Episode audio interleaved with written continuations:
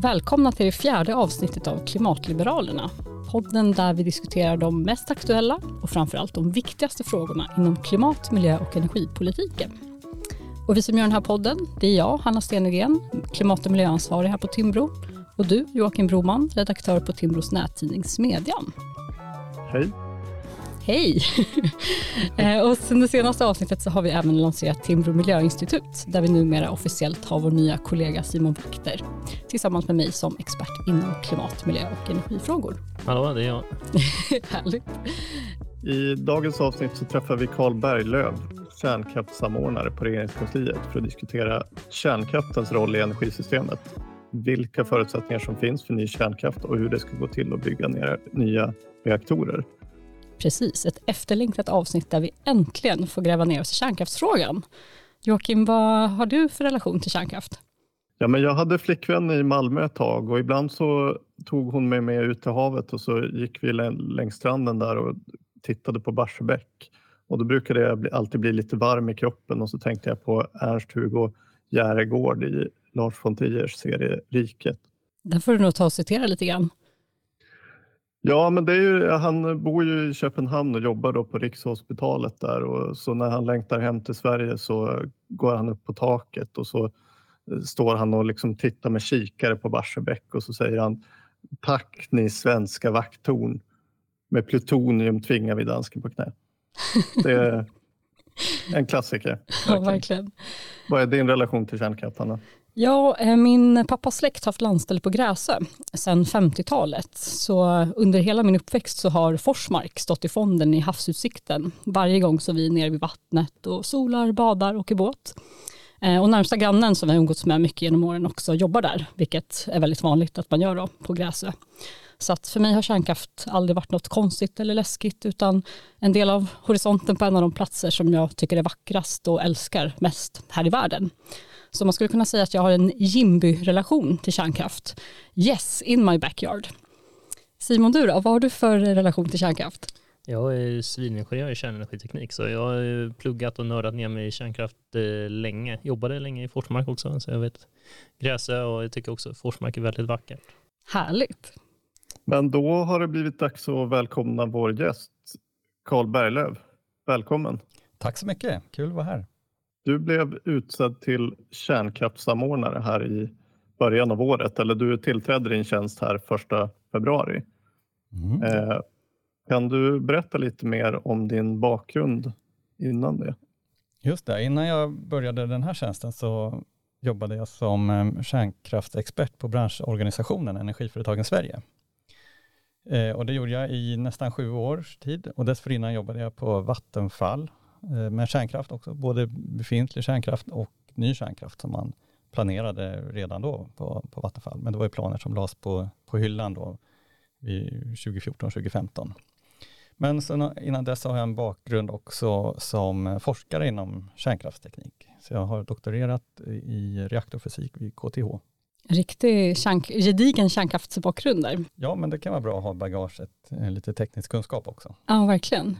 Eh, för du har haft, nästan haft uppdraget i en månad nu. Ja, drygt två veckor. Ja, ja. Till, till och med det. Eh, kan du berätta lite om eh, ditt nya jobb? Vad är syftet med din roll och hur, hur ser uppdraget ut? Ja, det är två delar i själva uppdraget. För det första så ska jag Eh, samordna, eller så här, jag ska följa upp de insatser som regeringen gör när det gäller att få ny kärnkraft på plats och se om det är tillräckligt och föreslå om det krävs ytterligare åtgärder för att snabba på utvecklingen av kärnkraft i Sverige.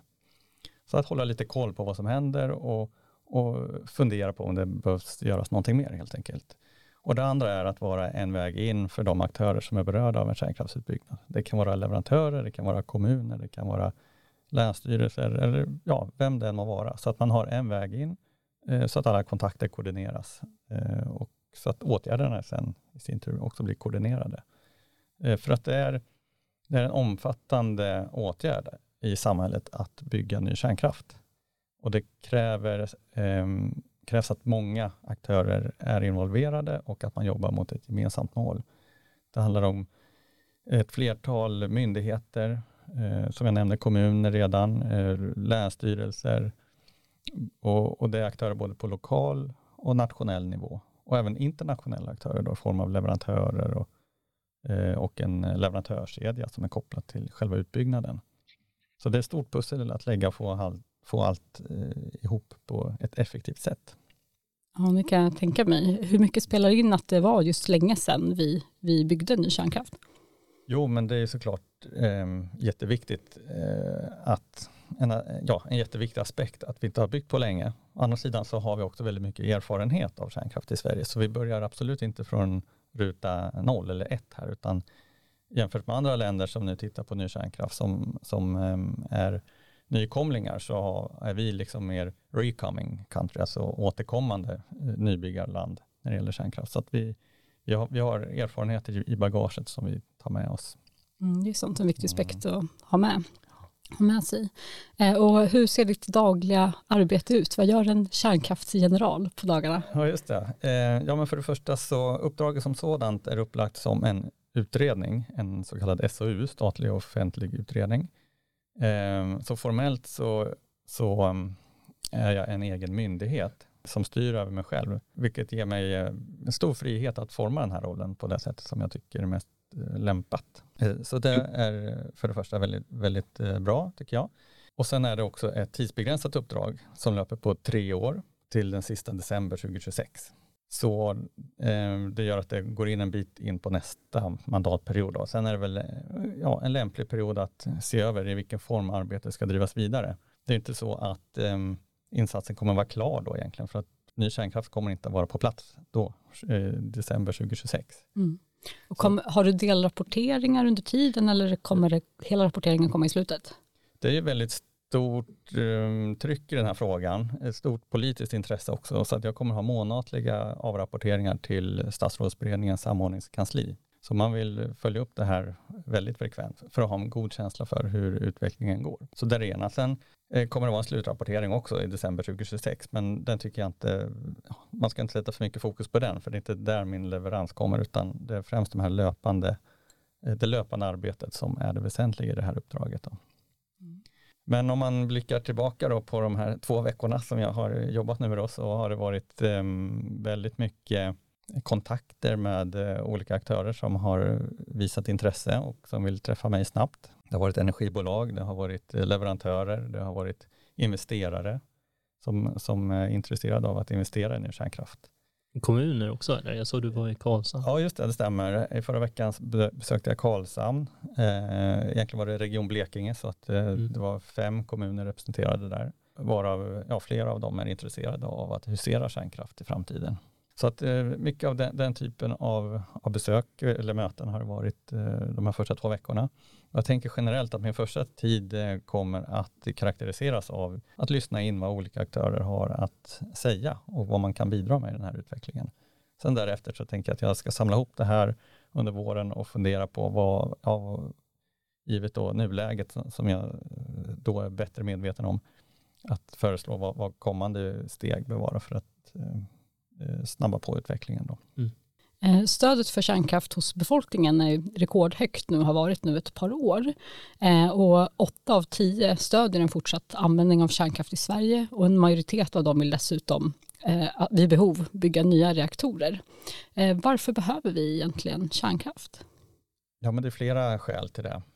Man kan säga att vi har fyra pågående kriser i, i varierande allvarlighetsgrad och omfattning. Då. Men för det första klimatkrisen Eh, vi kommer behöva alla fossilfria alternativ om vi ska klara av att dubblera vårt elsystem och, och ställa om eh, till ett fossilfritt samhälle. Det, det, kommer behövas dubbelt så mycket el som vi använder idag och då behöver vi alla alternativen och kärnkraften är ett av dem.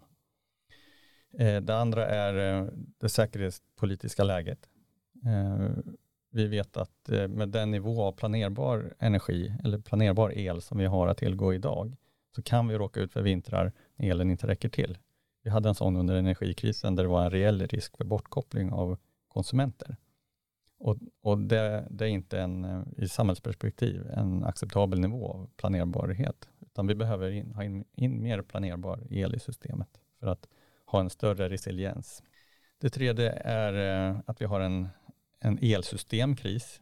Elsystemet levererar inte tillräckligt eh, effektivt till samhället utan vi har ett stamnät som inte kan nyttjas fullt ut på grund också av att det saknas planerbarhet. Det behövs mer planerbara resurser för att vi ska kunna överföra el mer effektivt i, inom landet och också byta el med eh, andra länder i vår närområde. Och sen det fjärde då, det är den ekonomiska krisen som vi är inne i nu.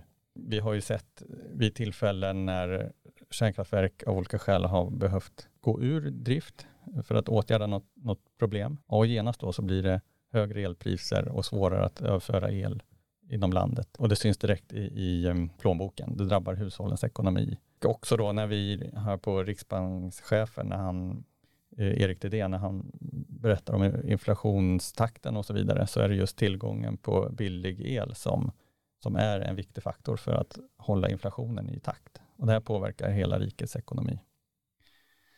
Eh, och kärnkraften är unik på så vis att den kan bemöta alla de här fyra kriserna samtidigt. Men kärnkraft är inte den enda lösningen, utan man måste ha andra alternativ in också, till exempel vindkraft. Apropå det här sista du pratar om, Kalle, där eh, det, det, finns ju, tycker jag, en bild i debatten som fortfarande ligger kvar lite grann om att det är väldigt dyrt att bygga ny kärnkraft och att det här i sin tur skulle också resultera i högre elpriser. Det är liksom, man hör det nästan veckovis i debatten att ny kärnkraft skulle leda till högre elpriser. Men det är ju inte så elprissättningen fungerar, eller hur? Att även om det skulle bli dyrt så kommer inte det att sätta eh, priset på elmarknaden. Just det, det är viktigt att komma ihåg. Det är inte eh, produktionskostnaden som aktörerna lägger som bud på, på elmarknaden. Det är två olika saker. Det finns en budgivningsstrategi när man lägger sina bud och där ingår det andra aspekter också som vad det kostar att gå ner i effekt eller öka effekt eller värdet på vattnet till exempel när det gäller vattenkraft. Så det, det, är inte riktigt så enkelt. Eh, sen så ser vi också då i systemstudier, eh, både på nationell och internationell nivå, att om man har en viss nivå av planerbarhet i systemet så får man en lägre systemkostnad. Så även om vissa av de här produktionsenheterna, till exempel kärnkraften, då, är dyrare att producera per kilowattimme än till exempel vindkraften, så blir det på totalen billigare för att eh, kärnkraften bidrar med andra egenskaper som systemet behöver för att kunna köras på ett effektivt eh, och robust sätt och faktiskt på den nivå så att man uppfyller då samhällets förväntningar när det gäller leveranssäkerhet. Då gäller det alltså, och med samhällets förväntningar menar jag ja, de, de eh, regler och krav som ställs på, på elsystemet för att man ska ha en effektiv marknad till exempel. Så att det, det är mm. viktigt för hela prisbildningen att man har in den här planerbara komponenten. Ja, vi, vi, kommer nog komma tillbaka till de ekonomiska aspekterna av kärnkraften alldeles strax. Men om vi börjar på det lite mer övergripande planet då, så har regeringen nu en plan om att Sverige ska ha motsvarande två stora reaktorer eller 2500 megawatt ny kärnkraft till 2035 och motsvarande tio stora reaktorer till 2045. Kommer Sverige att klara av det här tror du?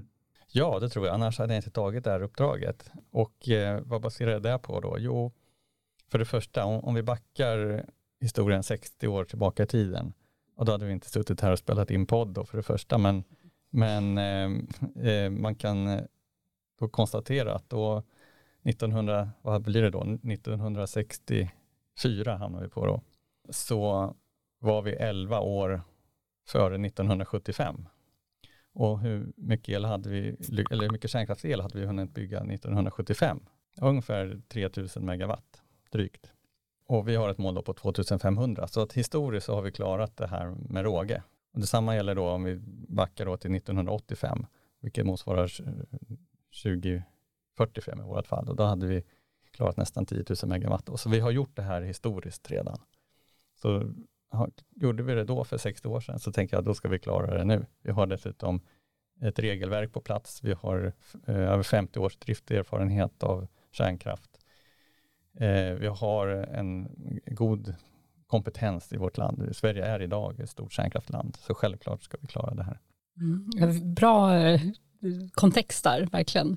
Det här, just att vi har gjort det förr och att med den teknikutvecklingen och allt som har hänt idag så Ja, det vore sjutton om vi inte skulle klara det nu också. Eh, och vad ser du som de främsta utmaningarna för att nå dit då? Eh, och vilka andra utmaningar ser du också i, i ditt arbete, eventuellt om det är aktörer som drar åt olika håll eller så? Mm. Ja, men det är givetvis en annan kontext idag än vad det var för 60 år sedan.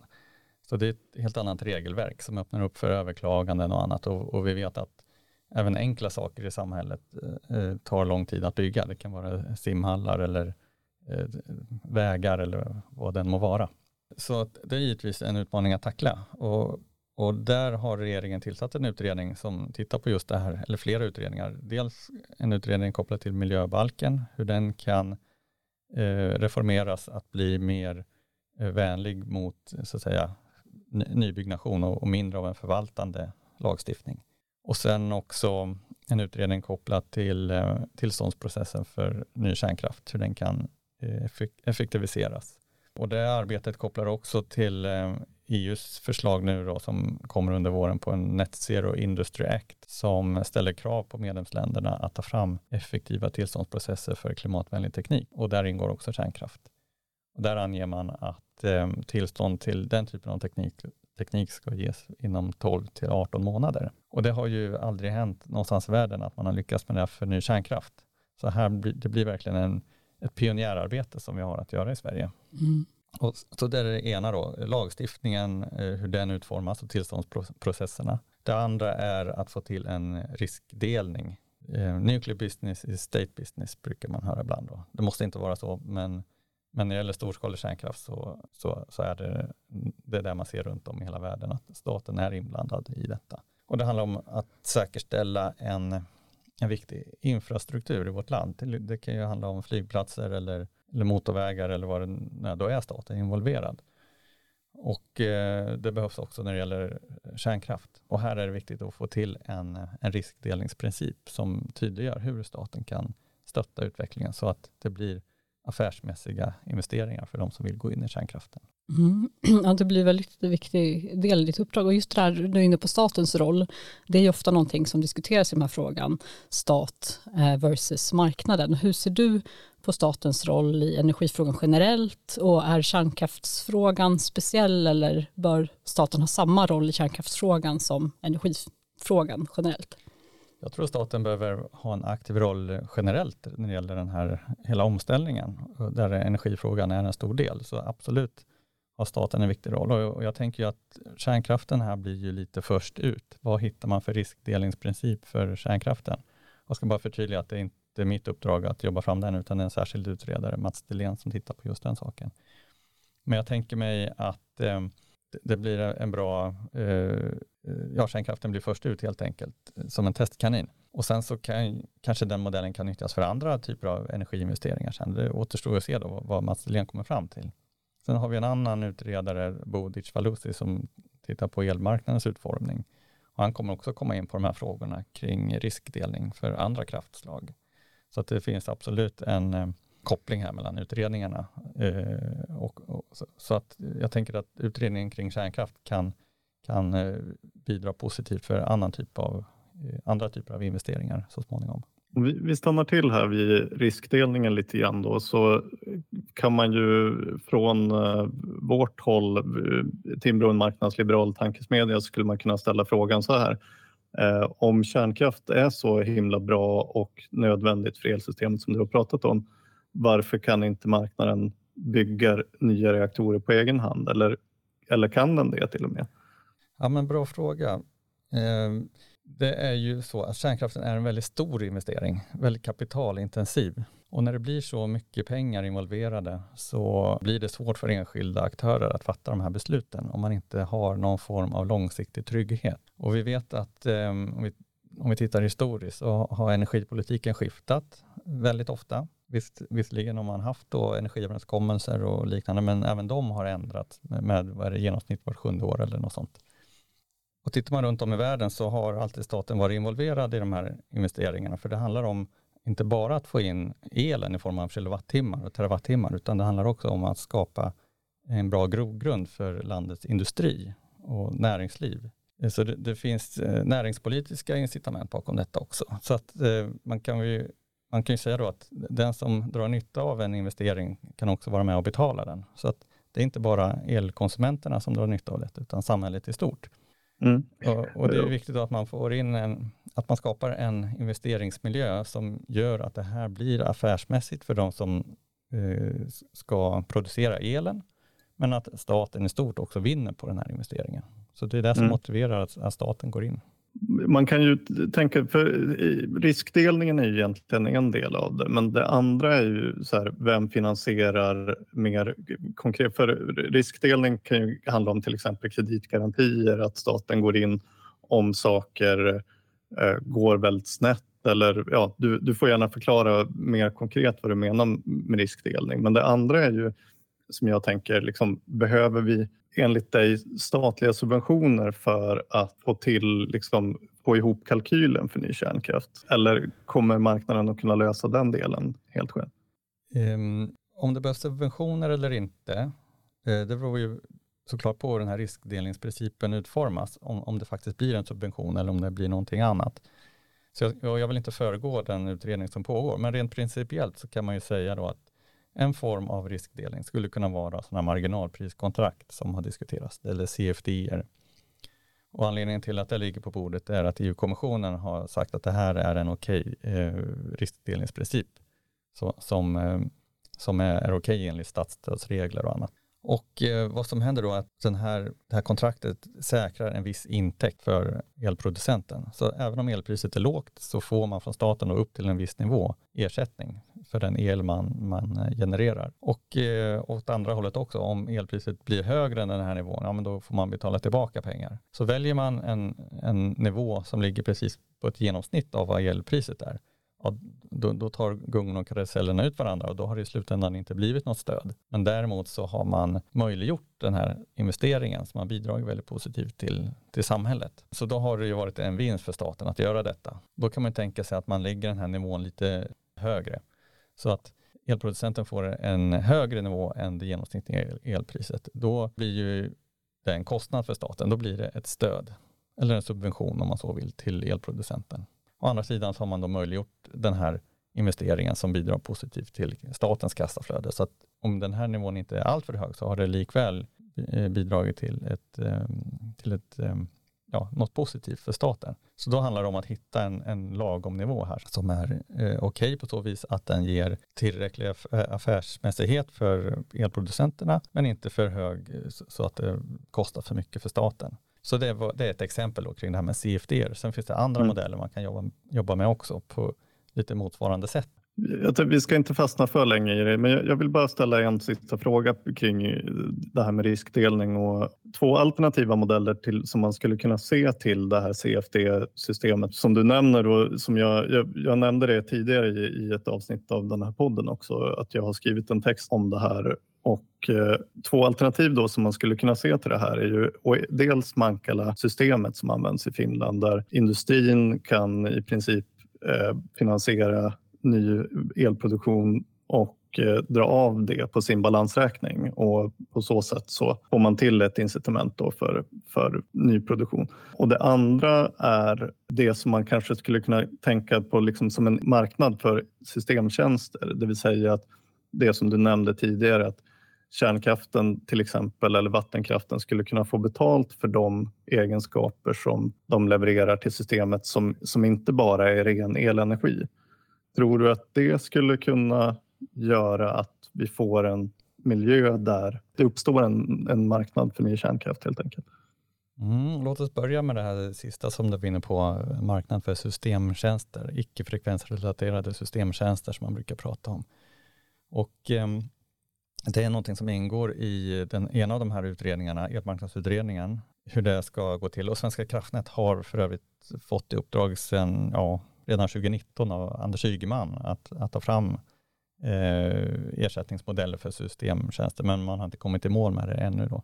Jag ser det egentligen mest som ett verktyg för att Svenska kraftnät ska få möjlighet att skapa sig en bättre kontroll över eh, elsystemet och utöva sitt, sitt systemansvar på ett bättre sätt.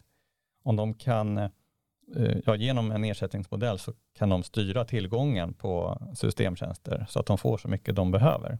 Det är nog det viktigaste snarare än att det skapar otroliga incitament att bygga ny kärnkraft. För det tror jag inte det kommer göra, men det, det kanske bidrar i, i viss mån till kassaflödet. I, i, positiv bemärkelse, absolut. Men, men det är inte det som faller avgörandet, utan det, då handlar det mer om, om finansieringsmodellen då och hur riskdelningsprincipen ser ut. Och, och då är Mankala-modellen som du var inne på eh, intressant, absolut. Eh, vi vet att det funkar i Finland, det skulle kunna funka här också då, men kanske inte på exakt samma sätt. Men jag tänker att det är lite som, eh, ja, så som, det har vi god erfarenhet av, att äga den, sin egen förbrukning. Det är det det handlar om egentligen. Att som elkonsument så äger man den förbrukning som man vill använda, ungefär som man gör med solceller och jag har industrier idag som, som äger sin egen elproduktion. Så att det är en vidareutveckling av det, att flera eltunga el in, industrier går samman och bygger kärnkraftverk. Så att, eh, absolut kan det funka bra. Det handlar väl om att eh, hitta i sådana fall ett, ett, eh, ja, ett bra eh, sätt att få ihop investeringen för alla parter. Det, det kanske görs tillsammans med energibranschen till exempel för, för att eh, hitta en väg framåt. Det viktigaste eh, aspekten med, med en sån modell tror jag är långsiktigheten. Att om Sveriges exportindustri äger elproduktionen så finns det ett helt annat intresse från statens sida tror jag att säkerställa att den produktionen finns kvar. Ja, eh, jag tänkte fråga också dig Simon, för vi på Timbro miljöinstitut skriver en rapport just nu om eh, just kärnkraftsfinansiering där vi just tittar mm. på marknadsmodeller för det. Skulle du vilja säga någonting om det, du som framförallt håller i pennan när det gäller den? Absolut, eh, bakgrunden är ju de här två tänkte jag säga, men det är egentligen tre utredningar om man räknar med Kalle som en separat utredning eh, i sig själv. Elmarknadsutredningen, riskdelningsutredningen och sen då kärnkraftssamordnarrollen. Då. Så det är ju någonting som det finns stort politiskt intresse bakom och där vi, som vi bevakar och tänkte göra inspel kring. Och, eh, precis som du säger så jobbar vi på en rapport som vi planerar att släppa just nu i mitten av mars ungefär. Så kan man hålla utkik efter den. Och eh, den handlar ju om två saker kanske man kan säga. Hur man ska fördela den här risken utan att gå händelserna i förväg eller resultaten eller någonting förekomma dem liksom från rapporten. Då så kan man väl säga att en, en rimlig princip kanske är att den aktör som kan hantera en risk både liksom finansiellt och som har något slags ägarskap över den risken, att man kan påverka den, det är också den aktör som kanske borde bära risken. Det är kanske en ganska sund princip kan jag tycka. Och sen det här argumentet som Kalle tog upp tidigare då, att om någon privat aktör tar en stor risk genom att bygga en stor vindpark eller ett kärnkraftverk eller någonting annat, så får ju staten väldigt stora intäkter från det om det går väl, men tar idag ingen risk alls vad det gäller kärnkraft i alla fall. Så det är också en princip kanske, att då ska staten kanske vara med och dela risken på något sätt där, på de sätt som kan vara rimligt för, risk, eh, för staten att avlasta riskmässigt. Liksom. Mm. Eh, och vi har varit inne lite grann på, eller en hel del på just eh, Mankala-principen och just eh, företagens roll, tung industris roll, för det är väldigt mycket den som driver, alltså just industrins klimatomställning, som driver det här väldigt ökande elbehovet nu framöver. Och i början av året här så gick eh, ett antal företag ut med att just vi behöver kärnkraft och vi kan vara med och betala. Hur, hur ser du, Kalle, på på industrins roll. Vilken roll kan de ta och vilken roll borde de ta? Jag tänker att eh, elen är en insatsvara som man behöver säkerställa, precis som andra insatsvaror som man behöver för sin verksamhet. Om det är metaller eller, eh, eller mineraler eller vad det nu kan vara. Så givetvis så bör industrin vara aktiv och, och, eh, uttrycka vad det är man behöver och inte bara uttrycka vad man behöver utan också vara med och, och, och till att det här kommer på plats. För energibranschen själv kommer inte klara det, utan här behöver man eh, kroka arm och eh, ta gemensamma initiativ. Så jag blev väldigt glad när jag såg den här texten i, på DN Debatt och början på året. Och det är definitivt ett steg i rätt riktning. Just att det finns en tydlighet även ja. hos uh, användaren. Mm. Eh, någonting som vi har berört lite grann är just det här den politiska situationen eh, i Sverige. Just nämnde lite grann, det har varit energiöverenskommelser som, inte, ja, som har ändrats eller eh, kraschat eller hur man nu vill se på det. Hur stor del av att få till ny kärnkraft är den politiska risken? Just det här att man har sagt någonting och sen så har man helt plötsligt ändrat förutsättningarna. Det har inte riktigt funnits långsiktighet när det gäller politikens nycker att gå in och rota eh, och göra saker på det här området. Hur stor del är det som du ser det i, i ditt arbete och just att få till ny kärnkraft? Ja, men det är jätteviktigt naturligtvis, för det är ju väldigt långsiktiga investeringar. Eh, man, man, det är ett åtagande som sträcker sig hundra år framåt i tiden när det gäller byggnation, driftfas och rivning av ett kärnkraftverk. Så att man behöver ha långsiktighet både i den nationella politiken och även i den ja, lokala miljön där man ska verka. Men här tycker jag mig skönja en, en tydlig förändring på senare tid. Det är egentligen bara två mindre partier i riksdagen som, som inte har uttryckt sig positivt kring eh, möjligheten att bygga ny kärnkraft. Så jag, jag tänker att det finns redan idag ett stort stöd för, för ny kärnkraft på olika sätt. Då. Olika partierna tycker lite olika såklart, men, men på det stora hela så är stödet för ny kärnkraft väldigt stort. Och ser man det utifrån, du nämnde att det är en del utländska aktörer också som är intresserade och så. Ser man utifrån som investerare eller som byggare eller vad man nu har för intresse, ser man Sverige som ett stabilt land att investera i kärnkraft eller vad är din uppfattning där? Det, det finns såklart en förbättringspotential här kring eh, hur, hur, tydligheten i det långsiktiga. Men här tänker jag att de här aktörerna som vi pratar om nu, eh, industrin, utländska investerare, nationella investerare, och de är genom sina egna ageranden bidrar de till den här långsiktigheten. Så vi har ju energibolag i Sverige som ägs av utländska pensionsfonder till exempel. Och den typen av, av ägarförhållanden bidrar i sig också till en långsiktighet. Det, som jag var inne på, eh, exportindustri och den typen av aktörer vill man värna som, som ett land. Så får man in de typen av av aktörer i, i ägandet så, så, är det också någonting som bidrar till långsiktighet utan att det behöver bli politiskt så att säga. Så de aktörer som, som funderar på att, eh, eller som utvärderar långsiktigheten i kärnkraften kan ju fundera på om de själva faktiskt kan bidra till långsiktigheten genom att bli aktiv. Ja, när vi spelar in det här den 19 februari så på morgonen här så höll Vattenfall ett seminarium för att berätta om hur det går för dem i deras arbete med ny kärnkraft. Vad tog du med dig från det här tillfället? Jag, jag blev eh, glad att eh, Vattenfall signalerar att de går vidare med planerna på ny kärnkraft. De agerar som att de har fattat ett beslut om att de ska bygga ny kärnkraft. I själva verket kommer ett sådant beslut förmodligen mycket senare i processen, kanske efter regeringens godkännande av en ansökan och det kan ju vara senare delen av 20-talet kanske. Men eh, så jag blev glad när jag hörde att de, de går vidare eh, som om de har fattat ett investeringsbeslut och, och ska utveckla eh, en ansökan och, och starta ett eh, samråd här nu då, under våren 2024. Jag blir också glad att de, eh, de skapar en enhet inom Vattenfall kring ny kärnkraft. Det tycker jag signalerar att man tar ett nytt steg i processen här nu då. Eh, sen så blev jag också glad att de har ju så att säga tillfört eller fått mycket ny information kring de tekniska möjligheterna att bygga ny kärnkraft. Och tyvärr har det varit så, eller tyvärr är det ofta så inom kärnkraftsbranschen, att när man får mer information kring hur lång tid det tar att bygga någonting så har, har slutdatumet flyttats framåt. Men här eh, har Vattenfall varit konsekventa med att eh, under första halvan av 30-talet så planerar de att ta en första reaktor i drift och trots nu att de har ett år mer studier i bagaget så håller de fast vid tidplanen.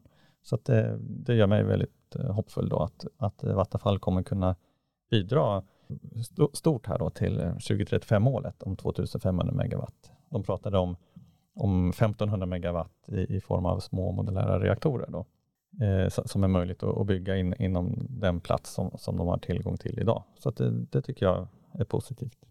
Härligt, flera positiva besked från Vattenfall alltså. Simon, hur ser du på Vattenfalls besked idag? Ja, men jag tycker också det var väl spännande får man säga. Jag har lite tudelade känslor, men en annan intressant sak var ju att man inledde samråd nu, eller planerar att göra det under våren 2024 eh, lokalt då, för att liksom samråda med lokalbefolkningen om hur det här kan tänkas påverka olika andra intressenter. Sen eh, det, det som är lite tudelat är ju att man har hållit på med den här förstudien, hur länge då? Ett och ett halvt år eller två år nu? Jag tyckte inte det var särskilt konkret det man presenterade. Det är ju glädjande att man håller fast vid tidplan och annat. Men jag tycker att det här borde kunna gå snabbare på en sajt som man har så pass god kännedom om och där man redan har bedrivit ett nybyggesprojekt förut som man gjorde i början på 2010-talet. Men jag, och jag hoppas på att de kör på. Det verkar de göra med den här nya enheten till exempel. Ja, om vi lyfter blicken lite från Sverige då så kan man ju säga att det pågår lite av en global kärnkraftsrenässans nu. Eh, kan du Kalle beskriva lite hur den ser ut och hur Sverige passar in i det sammanhanget? Ja, ehm, det är ju många länder som tittar på ny kärnkraft runt om i världen och vi hörde ju under COP28 att eh, ja, det var flera länder som gick samman, ett tjugotal länder som gick samman och sa att eh, kärnenergin ska tripplas till 2050. Sen så i sluttexten under COP28 så kom kärnkraften också in som en av de tekniker som man tillsammans sa att eh, den behöver accelereras. Så det som händer då är ju att det skapas en, en helt ny rörelse kring kärnkraften globalt. Vad vi har sett historiskt är ett fåtal länder som har byggt enskilda projekt lite i motvind och så har det dragit ut på tiden. Jag ser framför mig att när man har en global rörelse Eh, så kommer det vara lättare att bygga ut kärnkraften.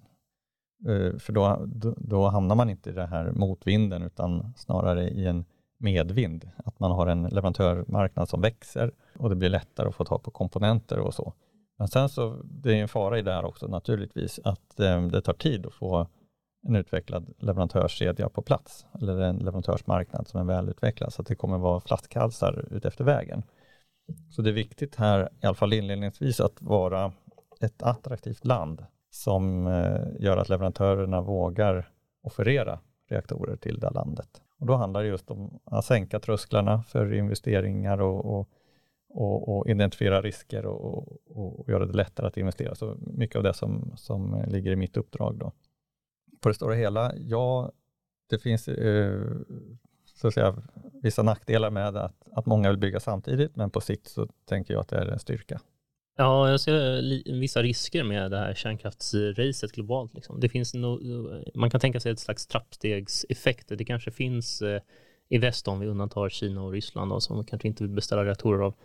Eh, så kanske vi har kapacitet att göra, jag vet inte, tre, fyra, fem reaktorer samtidigt, någonting i den ordningen i alla fall. Och då finns det ju en stor risk att när den här leverantörskedjan är mättad, om man kommer bara en månad efter den sista av de här är beställda eller påbörjade, eller vad man ska kalla det, då blir det plötsligt en tröskeleffekt där man kanske plötsligt hamnar flera år efter för att det tar sån tid att bygga ut kapaciteten att eh, till exempel göra de här stora reaktortankarna eller liknande. Och det ser jag som ett eh, eventuell farhåga. Liksom. Att man får inte somna här nu och bli omsprungen. Liksom. Och det finns ett stort tryck i USA. Det, det, har varit ett större problem för kärnkraftsindustrin än väntat att få igång de här projektstarterna. I USA så har man till exempel det här extremt generösa IRA, Inflation Reduction Act och ett annat program som heter Loan Program Office där man kan få generösa lån från staten för olika eh, fossilfria tekniker.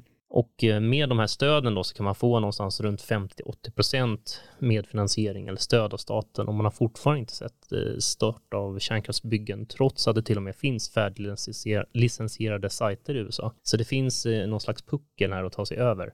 Men jag vet också från kontakter och folk jag känner i USA att det pågår ett enormt febrilt arbete att få igång det här och det är en oerhörd aktivitet som pågår med, med företag som inrikta sig på att liksom produktutveckla leveransmodeller för det här, hur man garanterar att det inte finns några förseningar.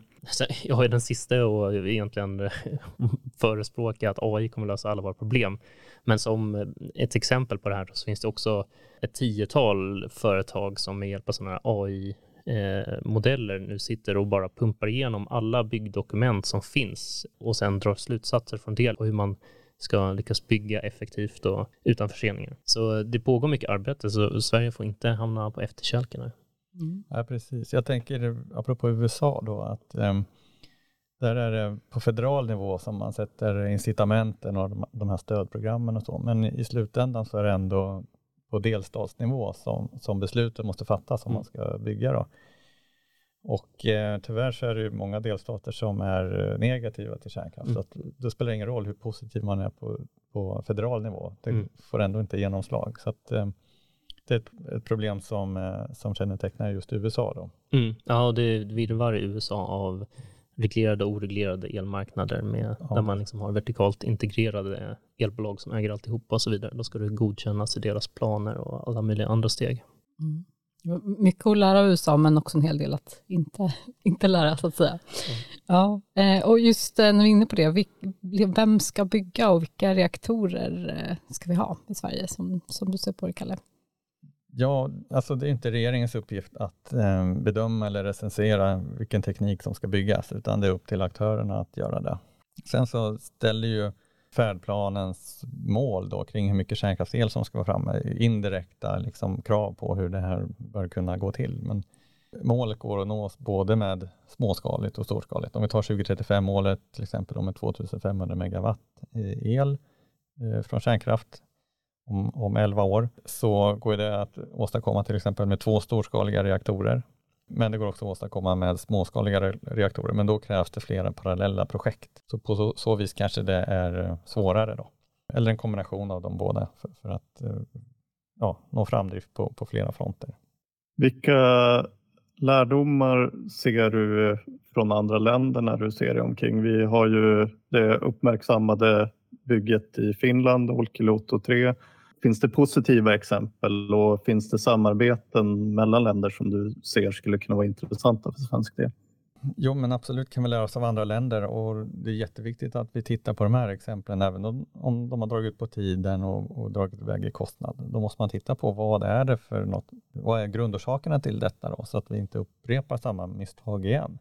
Och tyvärr då så är det de länder som, som mest liknar Sverige, det är där det har, har gått ja, dragit ut som mest på tiden. Så det är jätteviktigt att, att, att, vi tittar på de länderna. Sen finns det goda exempel också.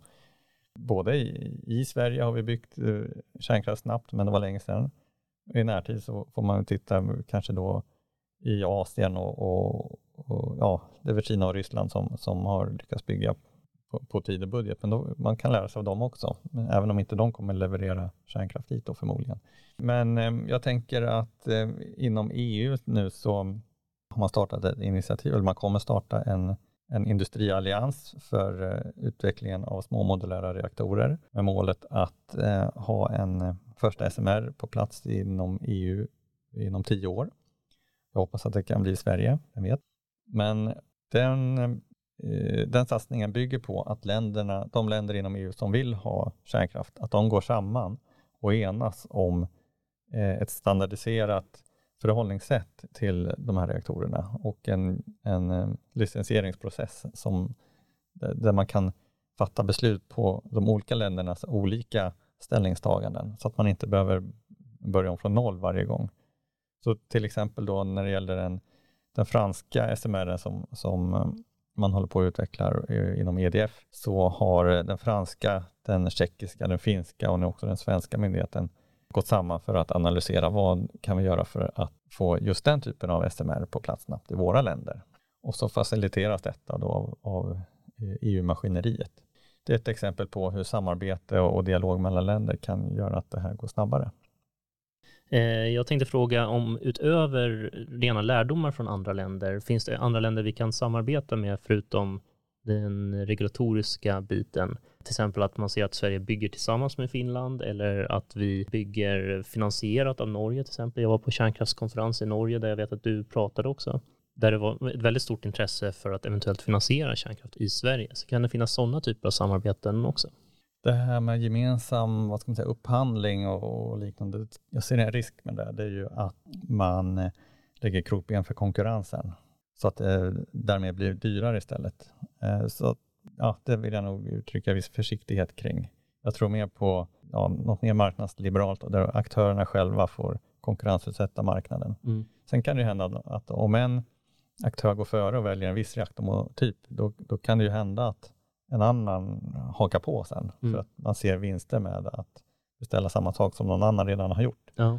Och är man i det läget, ja men då kanske det är läge att börja skapa samarbeten kring licensieringsstrategier och annat. Mm. Så att eh, jag, jag, tror att man måste börja rätt ände när det gäller den typen av samarbeten så att man inte skadar marknaden. Ja, min tanke var, Vattenfall nämnde idag till exempel att man vill få till ett program och då pratar man om 3-4 gigawatt kärnkraft för att eh, det programmet ska kunna bära liksom alla, vad ska man kalla det, overhead-kostnaderna för att de blir väldigt höga om man eh, belastar en enda reaktor och liksom bara bygger den.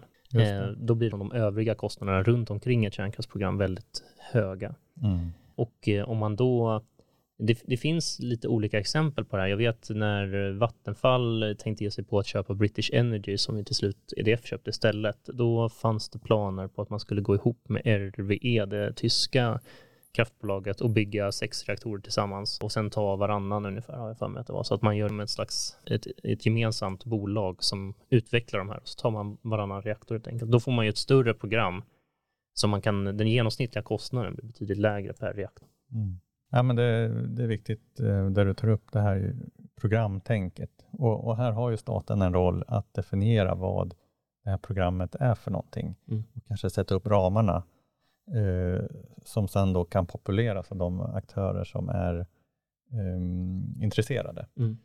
Så, men det här återstår ju att, definiera vad, vad, det här programmet faktiskt är för någonting.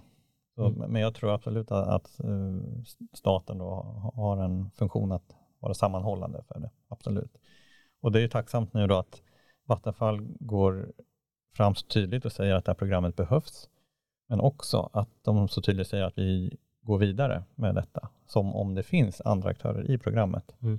Och eh, i och med det så sänker man ju tröskeln för andra aktörer att investera i kärnkraft, för man vet att aha, här är det en aktör som går före och då finns det utrymme för andra att haka på mm. och på så vis få ner eh, de totala kostnaderna. Jag vet för existerande kokvattenreaktorer eller så finns, så finns det ju eh, BWR Owners Group som liksom är att man går tillsammans för att hitta lösningar på olika gemensamma problem. Finns det någonting liknande, någon slags SMR Buyers Group för att liksom, eh, dels kanske konkurrensutsätta tillverkarna också, att om hörni, den här pumpen är alldeles för dyr, vi går och hittar någon annan som gör den pumpen för att ni tar ju för mycket betalt.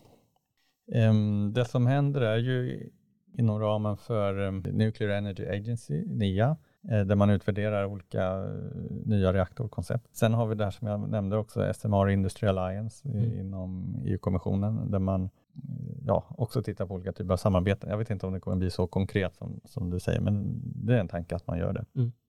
Uh, men sen var du inne på investeringar också, uh, om man kan hitta gemensamma sätt att investera kärnkraft mellan länder. Och eh, det är ju naturligtvis en tanke, det har ju skett tidigare om vi tittar på vindkraft till exempel då med eh, elcertifikatsystemet som Sverige och Norge hade gemensamt. Mm. Eh, så att, och, det är också en sån sak som, som när man väl har satt igång, satt igång det så vill man inte backa ur det för man har en partner att ta hänsyn till också. Mm. Så visst kan man tänka sig den typen av, av upplägg då när, när det kommer till finansieringsmodeller. Då. Mm. Ja, det blev ett väldigt intressant eh, samtal, men jag tror vi behöver tyvärr eh, sätta streck där. Eh, tack snälla för att du kom hit, Kalle, och lycka till med ditt viktiga uppdrag. Mm, tack så mycket. Och eh, du är hjärtligt välkommen tillbaka framöver i podden också och uppdatera lite hur, hur det går mm, eh, med arbetet. Jag eh, tänkte Simon, skulle du kunna sammanfatta lite de, de viktigaste slutsatserna som du tar med dig från vårt samtal här idag? Ja, oj, det blev ju ett jumboavsnitt om kärnkraft här. Men eh, jag ska försöka sammanfatta lite. Vi hörde att kärnkraften kan vara eh, en lösning på fyra pågående kriser som vi har, som är eh, framförallt kanske klimatkrisen. Vi har en någon slags försörjningstrygghetskris som pågår. Eh, en elsystemkris som inte bara är höga elpriser utan att vi har ett ganska ineffektivt fungerande eh, kraftsystem idag. Och sen har vi en ekonomisk kris ovanpå allt det som till viss del härrör då från eh, bristen på tillräckligt billig energi kanske. Och eh, kärnkraften kan utgöra en lösning på allt det här. Och eh, tack och lov så har vi en kärnkraftssamordnare som ska lösa alla de här problemen åt oss. Eller kanske vissa av dem i alla fall. Eh, och eh, som jag förstår det i en roll som är dels att elda på regeringen, att se till att de jobbar på i tillräcklig takt för de mål som man satt upp. Eh, men sen också samordna de olika aktörer och intressenter och runt omkring i det här, som någon slags spindelnätet. Tacksamt så startar Sverige kanske inte från noll här eftersom att vi har existerande kärnkraft, så det ska vi vara glada över. Och eh, vi ser väl fram emot eh, nya riskdelningsutredningen som jag tror kommer i augusti och sen kommer elmarknadsutredningen efter det och sen så Kalles pågående arbete då, som någon slags slutredovisning, inte förrän december 2026, men förhoppningsvis mycket resultat innan det. Mm. Härligt, bra raketsammanfattning mm. av det här avsnittet. Eh, vi är tillbaka senast nästa månad i mars eh, med ett nytt avsnitt om någon av de mest aktuella och framförallt viktigaste frågorna inom klimat, miljö och energipolitiken. Eh, och precis som Simon nämnde tidigare så släpper vi i mars Timbro miljöinstituts rapport om kärnkraftsfinansiering. Så håll utkik på Timbros hemsida och även i sociala medier för att inte missa det. Och som vanligt så lägger vi ut länkar till lästips i avsnittsbeskrivningen. Exempelvis så har vi den här gången Simons vykort från eh, Norge där eh, kärnkraften bara på ett par år har gått från att vara tabu till att mer än hälften av norrmännen stödjer kärnkraft. Så missa inte den. Och eh, vad tyckte ni lyssnare om dagens avsnitt? Kommentera gärna i sociala medier och hjälp oss att sprida podden vidare. Tack för att ni lyssnat. Vi hörs!